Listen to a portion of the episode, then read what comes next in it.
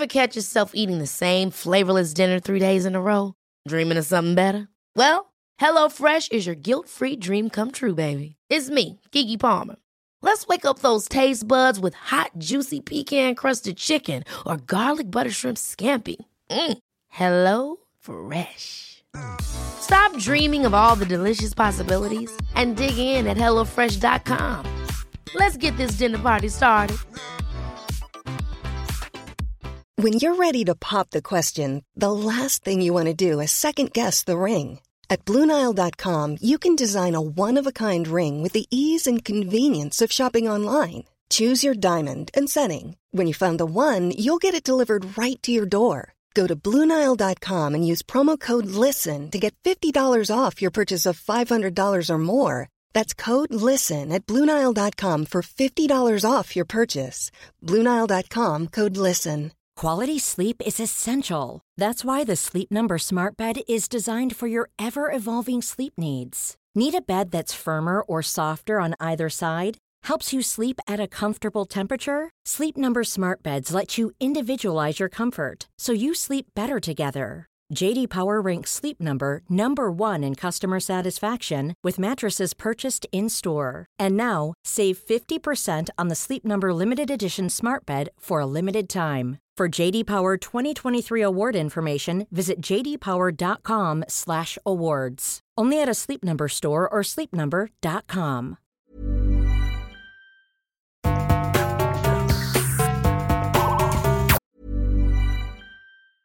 Cool fact a crocodile can't stick out its tongue. Also, you can get health insurance for a month or just under a year in some states. United Healthcare short term insurance plans, underwritten by Golden Rule Insurance Company, offer flexible, budget friendly coverage for you. Learn more at uh1.com. This is Paige, the co-host of Giggly Squad, and I want to tell you about a company that I've been loving, Olive and June. Olive and June gives you everything that you need for a salon quality manicure in one box. And if you break it down, it really comes out to $2 a manicure, which is absolutely insane. It's also so easy to get salon worthy nails at home with Olive and June. The difference between how your nails used to look when you did them yourself and now with the Manny system is a complete game changer. The best thing about Olive and June too is it's a quick dry. Dries in about one minute, lasts for five days, and full coverage in up to one to two coats. Visit oliveandjune.com slash perfect Mani 20 for 20% off your first system. That's oliveandjune.com slash perfect Mani 20 for 20% off your first system. Ever catch yourself eating the same flavorless dinner three days in a row? Dreaming of something better? Well, HelloFresh is your guilt-free dream come true, baby. It's me, Kiki Palmer. Let's wake up those taste buds with hot, juicy pecan-crusted chicken or garlic butter shrimp scampi. Mm. Hello Fresh. Stop dreaming of all the delicious possibilities and dig in at HelloFresh.com. Let's get this dinner party started.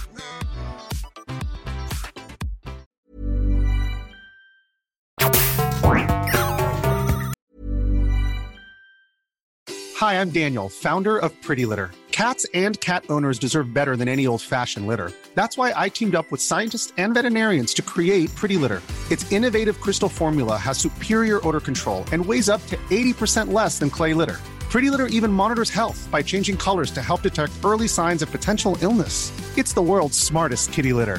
Go to prettylitter.com and use code ACAST for 20% off your first order and a free cat toy. Terms and conditions apply. See site for details. Hey, it's Paige DeSorbo from Giggly Squad. High quality fashion without the price tag. Say hello to Quince. I'm snagging high-end essentials like cozy cashmere sweaters, sleek leather jackets, fine jewelry, and so much more. With Quince being 50 to 80% less than similar brands.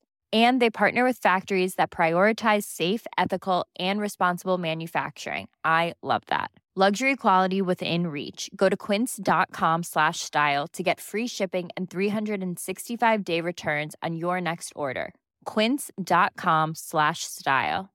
Mom deserves the best, and there's no better place to shop for Mother's Day than Whole Foods Market. They're your destination for unbeatable savings, from premium gifts to show-stopping flowers and irresistible desserts. Start by saving 33% with Prime on all body care and candles. Then get a 15-stem bunch of tulips for just $9.99 each with Prime. Round out Mom's menu with festive rosé, irresistible berry chantilly cake, and more special treats. Come celebrate Mother's Day at Whole Foods Market.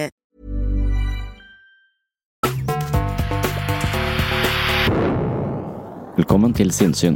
Jeg heter Sondre Risom Livre, er psykolog, og dette er Webpsykologens podkast. Hverdagspsykologi for fagfolk og folk flest.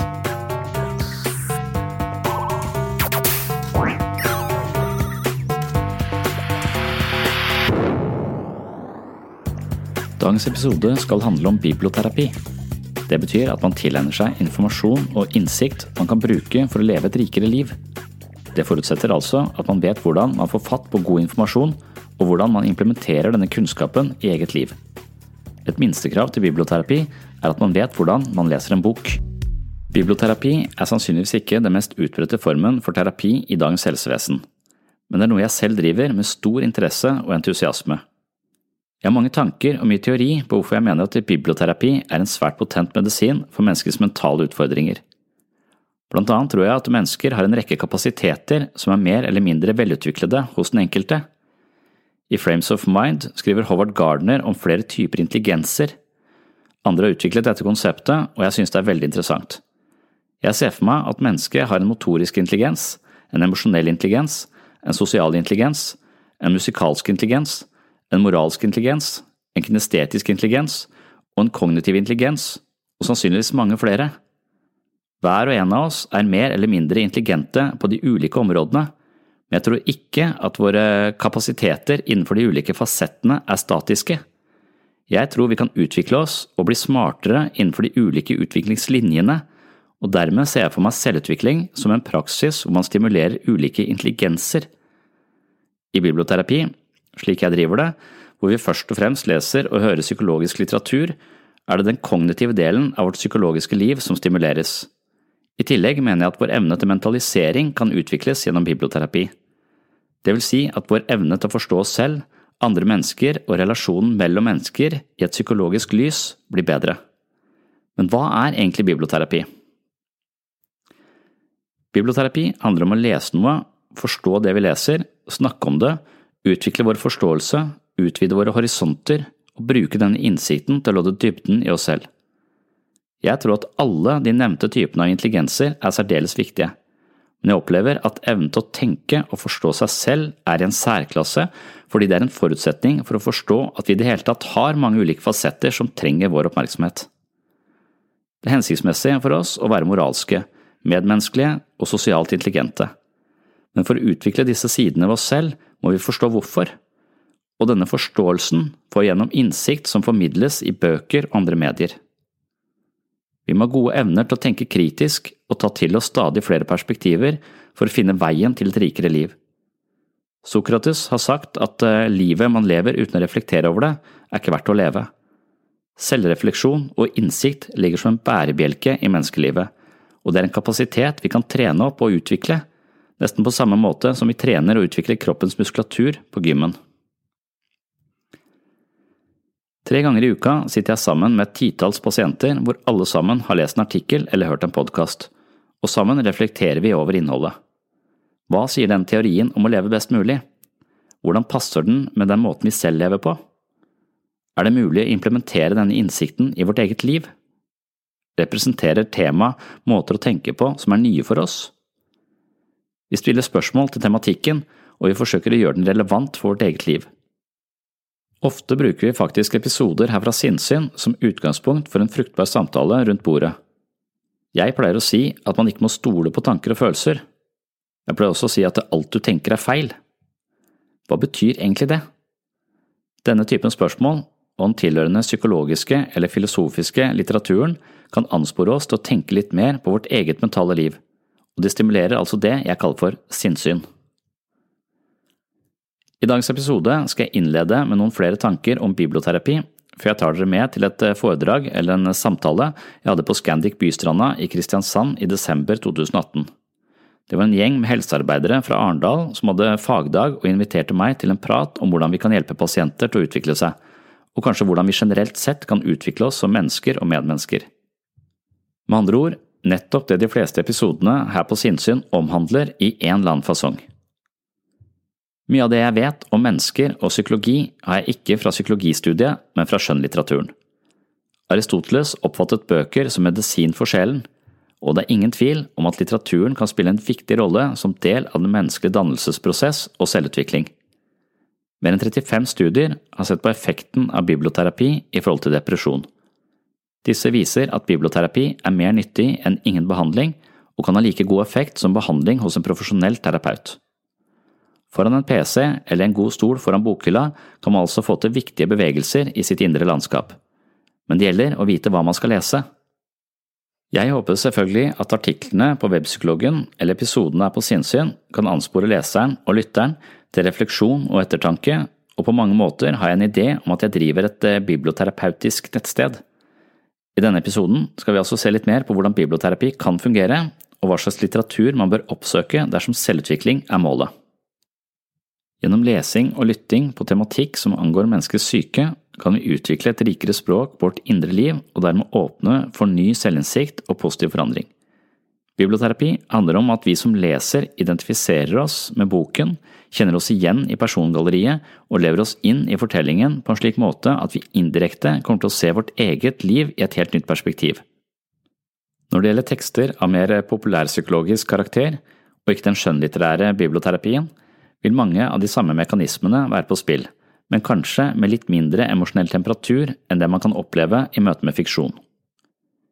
Biblioterapi handler om å trenge inn i en tekst eller en teori og lete etter gjenkjennelse, medfølelse eller det man kanskje kan kalle en aha-opplevelse.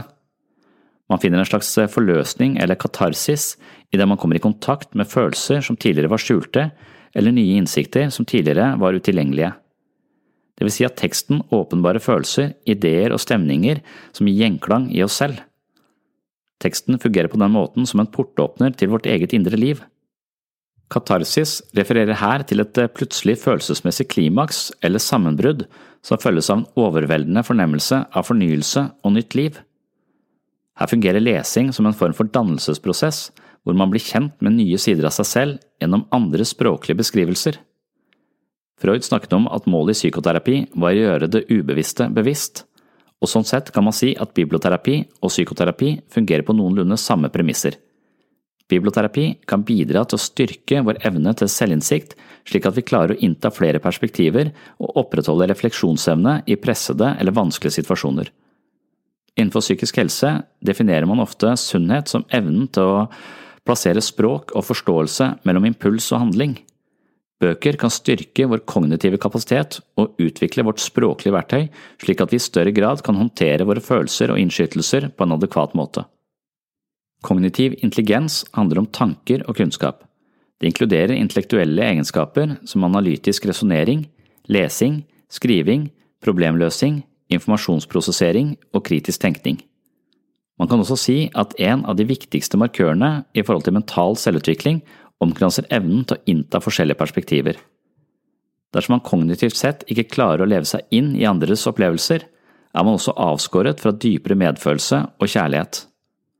Derfor er kognitiv utvikling en forutsetning for blant annet moral, verdi, følelser og mellommenneskelige egenskaper. Biblioterapi er også en øvelse i å sette seg inn i andres perspektiver, forstå livets fasetter på nye måter og dermed møte tilværelsen med stadig mer fleksible fortolkningsmuligheter. Denne fleksibiliteten kan dernest styrke vår evne til medfølelse og forståelse, noe som videre er verdifullt for sosial intelligens og evne til å opprettholde gode relasjoner til andre mennesker. Man har ikke forsket nok på biblioterapi i forhold til alle diagnosegrupper, men med hensyn til generell selvutvikling og lettere psykiske plager er det sannsynligvis en verdifull kilde til positiv vekst. Biblioterapi kan bli et problem dersom man er feildiagnostisert og leter etter seg selv i tekster som ikke egner seg. Ofte finner man det man leter etter, og i verste fall leser man seg til problemer man i utgangspunktet ikke hadde.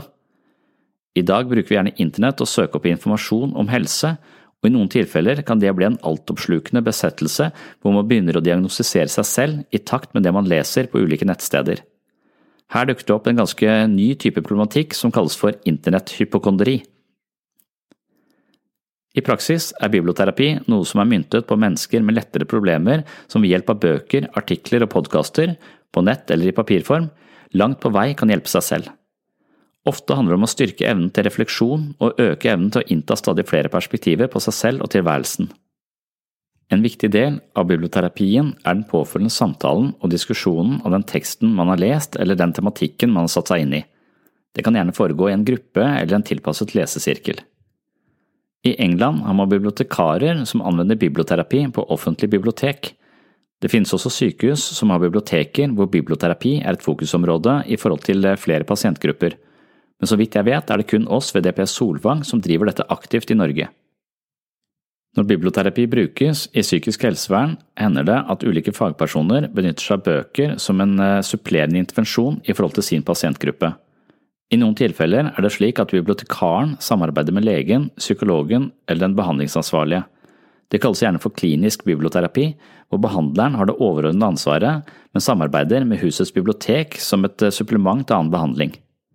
Hos oss har vi ikke kontakt med biblioteket, men benytter oss av eh, nettbaserte tekster og podkaster. I min hverdag som klinisk psykolog på et eh, DPS i Kristiansand har jeg altså ukentlig biblioterapigrupper hvor vi leser og diskuterer artikler og hører på podkaster knyttet opp til psykisk helse. Her er det gjerne webpsykologens artikler og episoder fra sinnssyn som drøftes i plenum, og på den måten skapes det en helt eh, ny bevegelse i teksten og tematikken, hvor den enkeltes bidrag ansporer hele gruppen mot nye perspektiver. I denne gruppen jobber vi svært aktivt med psykisk helse, men på en eh, biblioterapeutisk måte. Selv opplever jeg dette som en berikende forum for selvinnsikt og selvutvikling, og mange av gruppedeltakerne har samme opplevelse. Når det gjelder anbefalinger i forhold til litteratur, så kunne jeg snakket om det i timevis, men det skal jeg ikke gjøre i dag. Jeg skal nøye meg med et lite knippe bøker som jeg mener kan ha god biblioterapeutisk effekt. I forhold til psykologisk skjønnlitteratur vil jeg nevne den eksistensielle psykoterapeuten Irvin Dialom, som har gitt mange mennesker verdifulle aha-opplevelser. Når det dreier seg om menneskets grunnleggende eksistensielle vilkår, er Yalom en fremragende forfatter og teoretiker. Bøkene til Yalom har vært kilde til mye inspirasjon og lærdom i mitt virke som psykolog. Alt han skriver, lodder dybden i det menneskelige sinnelag på en overbevisende måte. Døden, friheten, meningsløsheten og isolasjonen er aspekter ved menneskets eksistens som av og til dukker opp og flekker tenner mot våre livsprosjekter. Yalom skriver både fagbøker og skjønnlitterære bøker, og for folk flest er det sannsynlig at de spennende skjønnlitterære fortellingene om terapiprosesser er det som gir best utbytte. Et terapeutisk forløp er en spennende reise og det er nettopp denne spenningen, blandet med følelser, innsikt og eksistensiell klokskap, Jalom griper på en fortreffelig måte i sine romaner om terapi. Dobbeltspill i sjeledypet er en bok jeg vil nevne. Hovedpersonen i romanen er en psykiater som selv går i analyse hos en kollega, men som bryter behandlingen fordi han er uenig i psykoanalysens strenge regler for terapisituasjonen. Han bestemmer seg for å eksperimentere med en helt ærlig og åpen terapi. Problemet er at hans pasient har en litt annen agenda, som ikke handler om å være like åpen og ærlig. Kjærlighetens bøddel og andre fortellinger fra psykoterapien er en annen bok jeg vil nevne. I denne boken forteller jeg Lom på sin sedvanlig åpne og direkte måte om ti pasienter og behandlingen av disse. Pasientene kom til Alom for å få hjelp med de vanlige problemene i hverdagslivet. Ensomhet, selvforakt, impotens, migrene, seksuelle tvangsforestillinger, overvekt, høyt blodtrykk, sorg, en tærende opptatthet av kjærlighet, humørsyke eller depresjon. Likevel avslørte terapien at disse hverdagsproblemene hadde dype røtter, røtter som strakte seg helt ned i menneskets eksistensielle grunnmur. Yalom er en eksistensiell psykoterapeut, og i denne boken får vi virkelig et levende innblikk i hva det betyr i praksis. Schopenhauer-kuren er en annen bok av Yalom som har en slags spesiell eh, favorittstatus hos meg fordi den handler om gruppeterapi. Dette er en bok jeg anbefaler alle pasienter jeg har hatt i gruppeterapi å lese. Det er den anerkjente psykiateren Julius Hertzfeldt som får sjokkbudskapet om dødelig kreft etter en rutinesjekk. Han begynner å gå inn i seg selv og blir opptatt av de mislykkede terapiene. Hva gjorde han feil? Julius oppsøker Philip, en pasient han aldri klarte å hjelpe ut av et eh, ulykkelig og tvangspreget sexliv. Det viser seg at Philip har kurert seg selv ved hjelp av Schopenhauer og hans filosofi. Nå er Philip selv klar til å bli terapeut, men han trenger hjelp fra Julius for å få en faglig godkjenning. De to mennene inngår en avtale. Julius blir Philips veileder dersom Philip først deltar i gruppeterapien Julius leder. Dette er rett og slett en psykologisk spenningsroman om gruppeterapi, noe som tilhører sjeldenhetene, men Jalom får det til på en utmerket måte. Da Nietzsche gråt er den siste boka jeg vil nevne av Jalom. Dette er en bok hvor den store tenkeren Friedrich Nietzsche kommer i terapi hos eh, Josef Breuer, som også var læreren til Freud. Det er et tenkt scenario som utforsker både Nietzsche som person og filosof. Er man interessert i eksistensialisme og psykoterapi, men helst leser skjønnlitteratur, får du både pose og sekk i denne boka. I mange av foredragene mine her på Sinnsyn jeg også et poeng ut av den effekten jeg selv har fått av å lese Knausgård sine selvbiografiske opptegnelser i Min kamp-serien. Karl Ove Knausgård er flink med språk, og han formidler følelser, opplevelser og fornemmelser som kanskje gjemmer seg i periferien av vår oppmerksomhet. Med ord og formuleringsevne synliggjør han det menneskelige på en måte som jeg tror gir gjenklang i de fleste. Derfor så Knausgård på listen over bøker jeg anbefaler i en biblioterapeutisk eh, sammenheng. Ellers har jeg selv vært opptatt av skjønnlitteratur fra slutten av 1800-tallet og inn mot det 20. århundre. Jeg hadde en lang periode hvor jeg leste alt av Frans Kafka.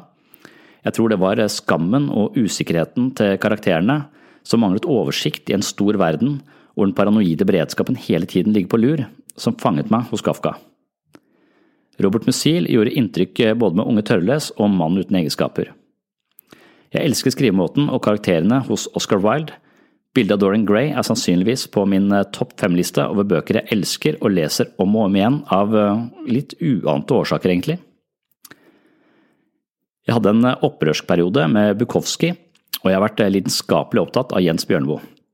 Jeg vokste opp på Nøtterøy og kunne nesten se over til Veiland, hvor Bjørneboe drakk en flaske sprit om dagen og til sist tok sitt eget liv. Da jeg flyttet hjemmefra og følte at den sikre grunnen under meg slo sprekker, husker jeg at jeg leste den polske forfatteren Witold Gombrowicz, hvor flere av karakterene vikler seg inn i perspektiver som gjorde verden både usikker og litt farlig. I Freddy Dirk møter man en hovedperson som begynner å se sammenhenger overalt, og til sist befinner seg omtrent midt i en paranoid psykose. For meg var dette en bok som representerte kaos, og jeg befant meg i en kaotisk periode i mitt eget liv. Jeg var i ferd med å gå fra å være ungdom til ung voksen, og flyttet fra alle jeg kjente og alt som var trygt og godt. Robert M. Piercing beveger seg også i det kaotiske, men han finner en vei tilbake til orden i boken som heter Zen og kunsten å vedlikeholde motorsykkel. Denne boka gjorde et formidabelt inntrykk på meg. Hamsun har jeg også alltid vært glad i. Johan Nilsen Nagel fra Mysterier er blant eh, de personene som har brent seg fast i hukommelsen min, kanskje fordi jeg aldri helt forsto ham. Fjodor Dostojevskij har også vært en sentral og viktig person for meg på bokfronten. Kanskje var det André Bjerke som gjorde meg nysgjerrig på psykoanalysen i De dødes tjern og Døde menn går i land. Den portugisiske forfatteren med en rekke heteronymer, Fernando Pessoa, synes jeg skriver så vakkert, poetisk, klokt og alkoholisert at jeg har lest ham litt nesten hver eneste dag siden jeg oppdaget ham i en alder av 19 år. Spesielt er Uroens bok noe av det beste jeg har lest. Min absolutte favorittbok er imidlertid ikke et eh, veldig originalt valg, men det er også helt ubestridelig for meg. Mary Shelleys Frankenstein står alene eh, på toppen. Av nålevende norske forfattere setter jeg Gert Nygaardshaug svært høyt. Jeg leser ikke krimbøkene hans, men jeg elsket eh, Null pluss pluss, Nøkkelmakeren, Klokkemakeren, Prost Gottwins geometri, Fortellerens marked og Mino-serien. Dette er på ingen måte en fullstendig liste over skjønnlitterære bøker jeg anbefaler, men snarere de jeg kom på først når jeg tenkte meg om. Siden det var nettopp disse jeg husket, er jeg ganske sikker på at de også har spilt en viktig rolle i mitt liv. Dette var bøker som stakk seg frem for meg, og de rørte noe som fikk meg til å stoppe opp eller komme meg videre i eget liv. Jeg passer på å lese skjønnlitteratur, selv om jeg nok leser langt mer faglitteratur. Imidlertid er det også sånn at jeg hører mye på lydbøker, og dermed kan sentrale perioder eller steder i livet mitt være beheftet med forskjellige forfattere. Blant annet pustet jeg opp en kjeller i mitt første eide hus i Kristiansand til lyden av Jens Bjørneboe. Når jeg beveger meg ned i den kjelleren, så ser jeg kruttårn, bestialitet, opposisjon og sjømenn. Jeg hører mye på musikk og har et lydspor til forskjellige faser i livet mitt, og på samme måte har jeg enkelte bøker og større forfatterskap som lydspor til bestemte epoker og hendelser i eget liv. Når jeg driver biblioterapi som behandling ved psykiatrisk poliklinikk, er det imidlertid ikke skjønnlitteratur vi leser, men populærpsykologiske tekster og podkaster. Jeg har jo også en spesiell forkjærlighet for selvhjelpsbøker, noe som preger både denne podkasten og webpsykologen for øvrig. Jeg la faktisk inn et søk på selvutvikling i Google ved utgangen av juni 2010, og fikk 75 000 treff. Jeg la inn samme søket 18.2.2013 og fikk 413 000 treff. I dag er det 27.12.2018, og jeg søker på selvutvikling nok en gang. I dag fikk jeg 717 000 treff. Dette er åpenbart et tema som vokser i takt med folks interesse og overskudd til å jobbe med seg selv. Er dette en god trend? Som med alt annet i livet er ikke all selvutviklingslitteratur like fordelaktig, og man vil selvfølgelig finne både gode og dårlige utgivelser.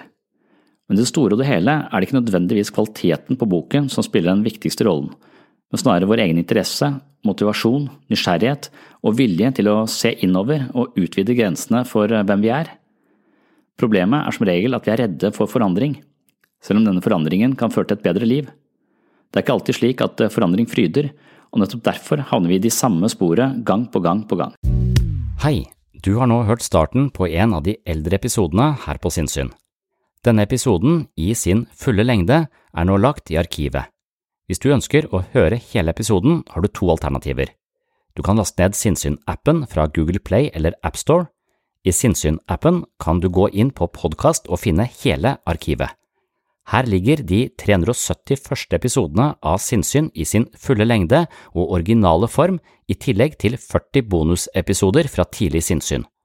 Og disse arkivepisodene er til og med uten reklame fra tredjepart. Alternativ to, hvis ikke du vil bruke Sinnsyn-appen, er å gå inn på patron.com for segs sinnssyn. På Patron kan du finne en feed som inneholder alle de arkiverte episodene.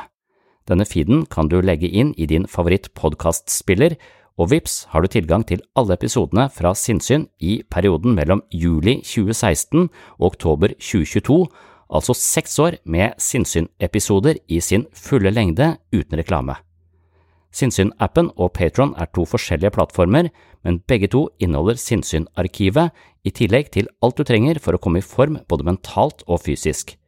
Last ned mitt mentale treningsstudio i form av Sinnsyn-appen fra Google Play eller AppStore, eller besøk mitt mentale treningsstudio på patron.com for segs sinnssyn i dag.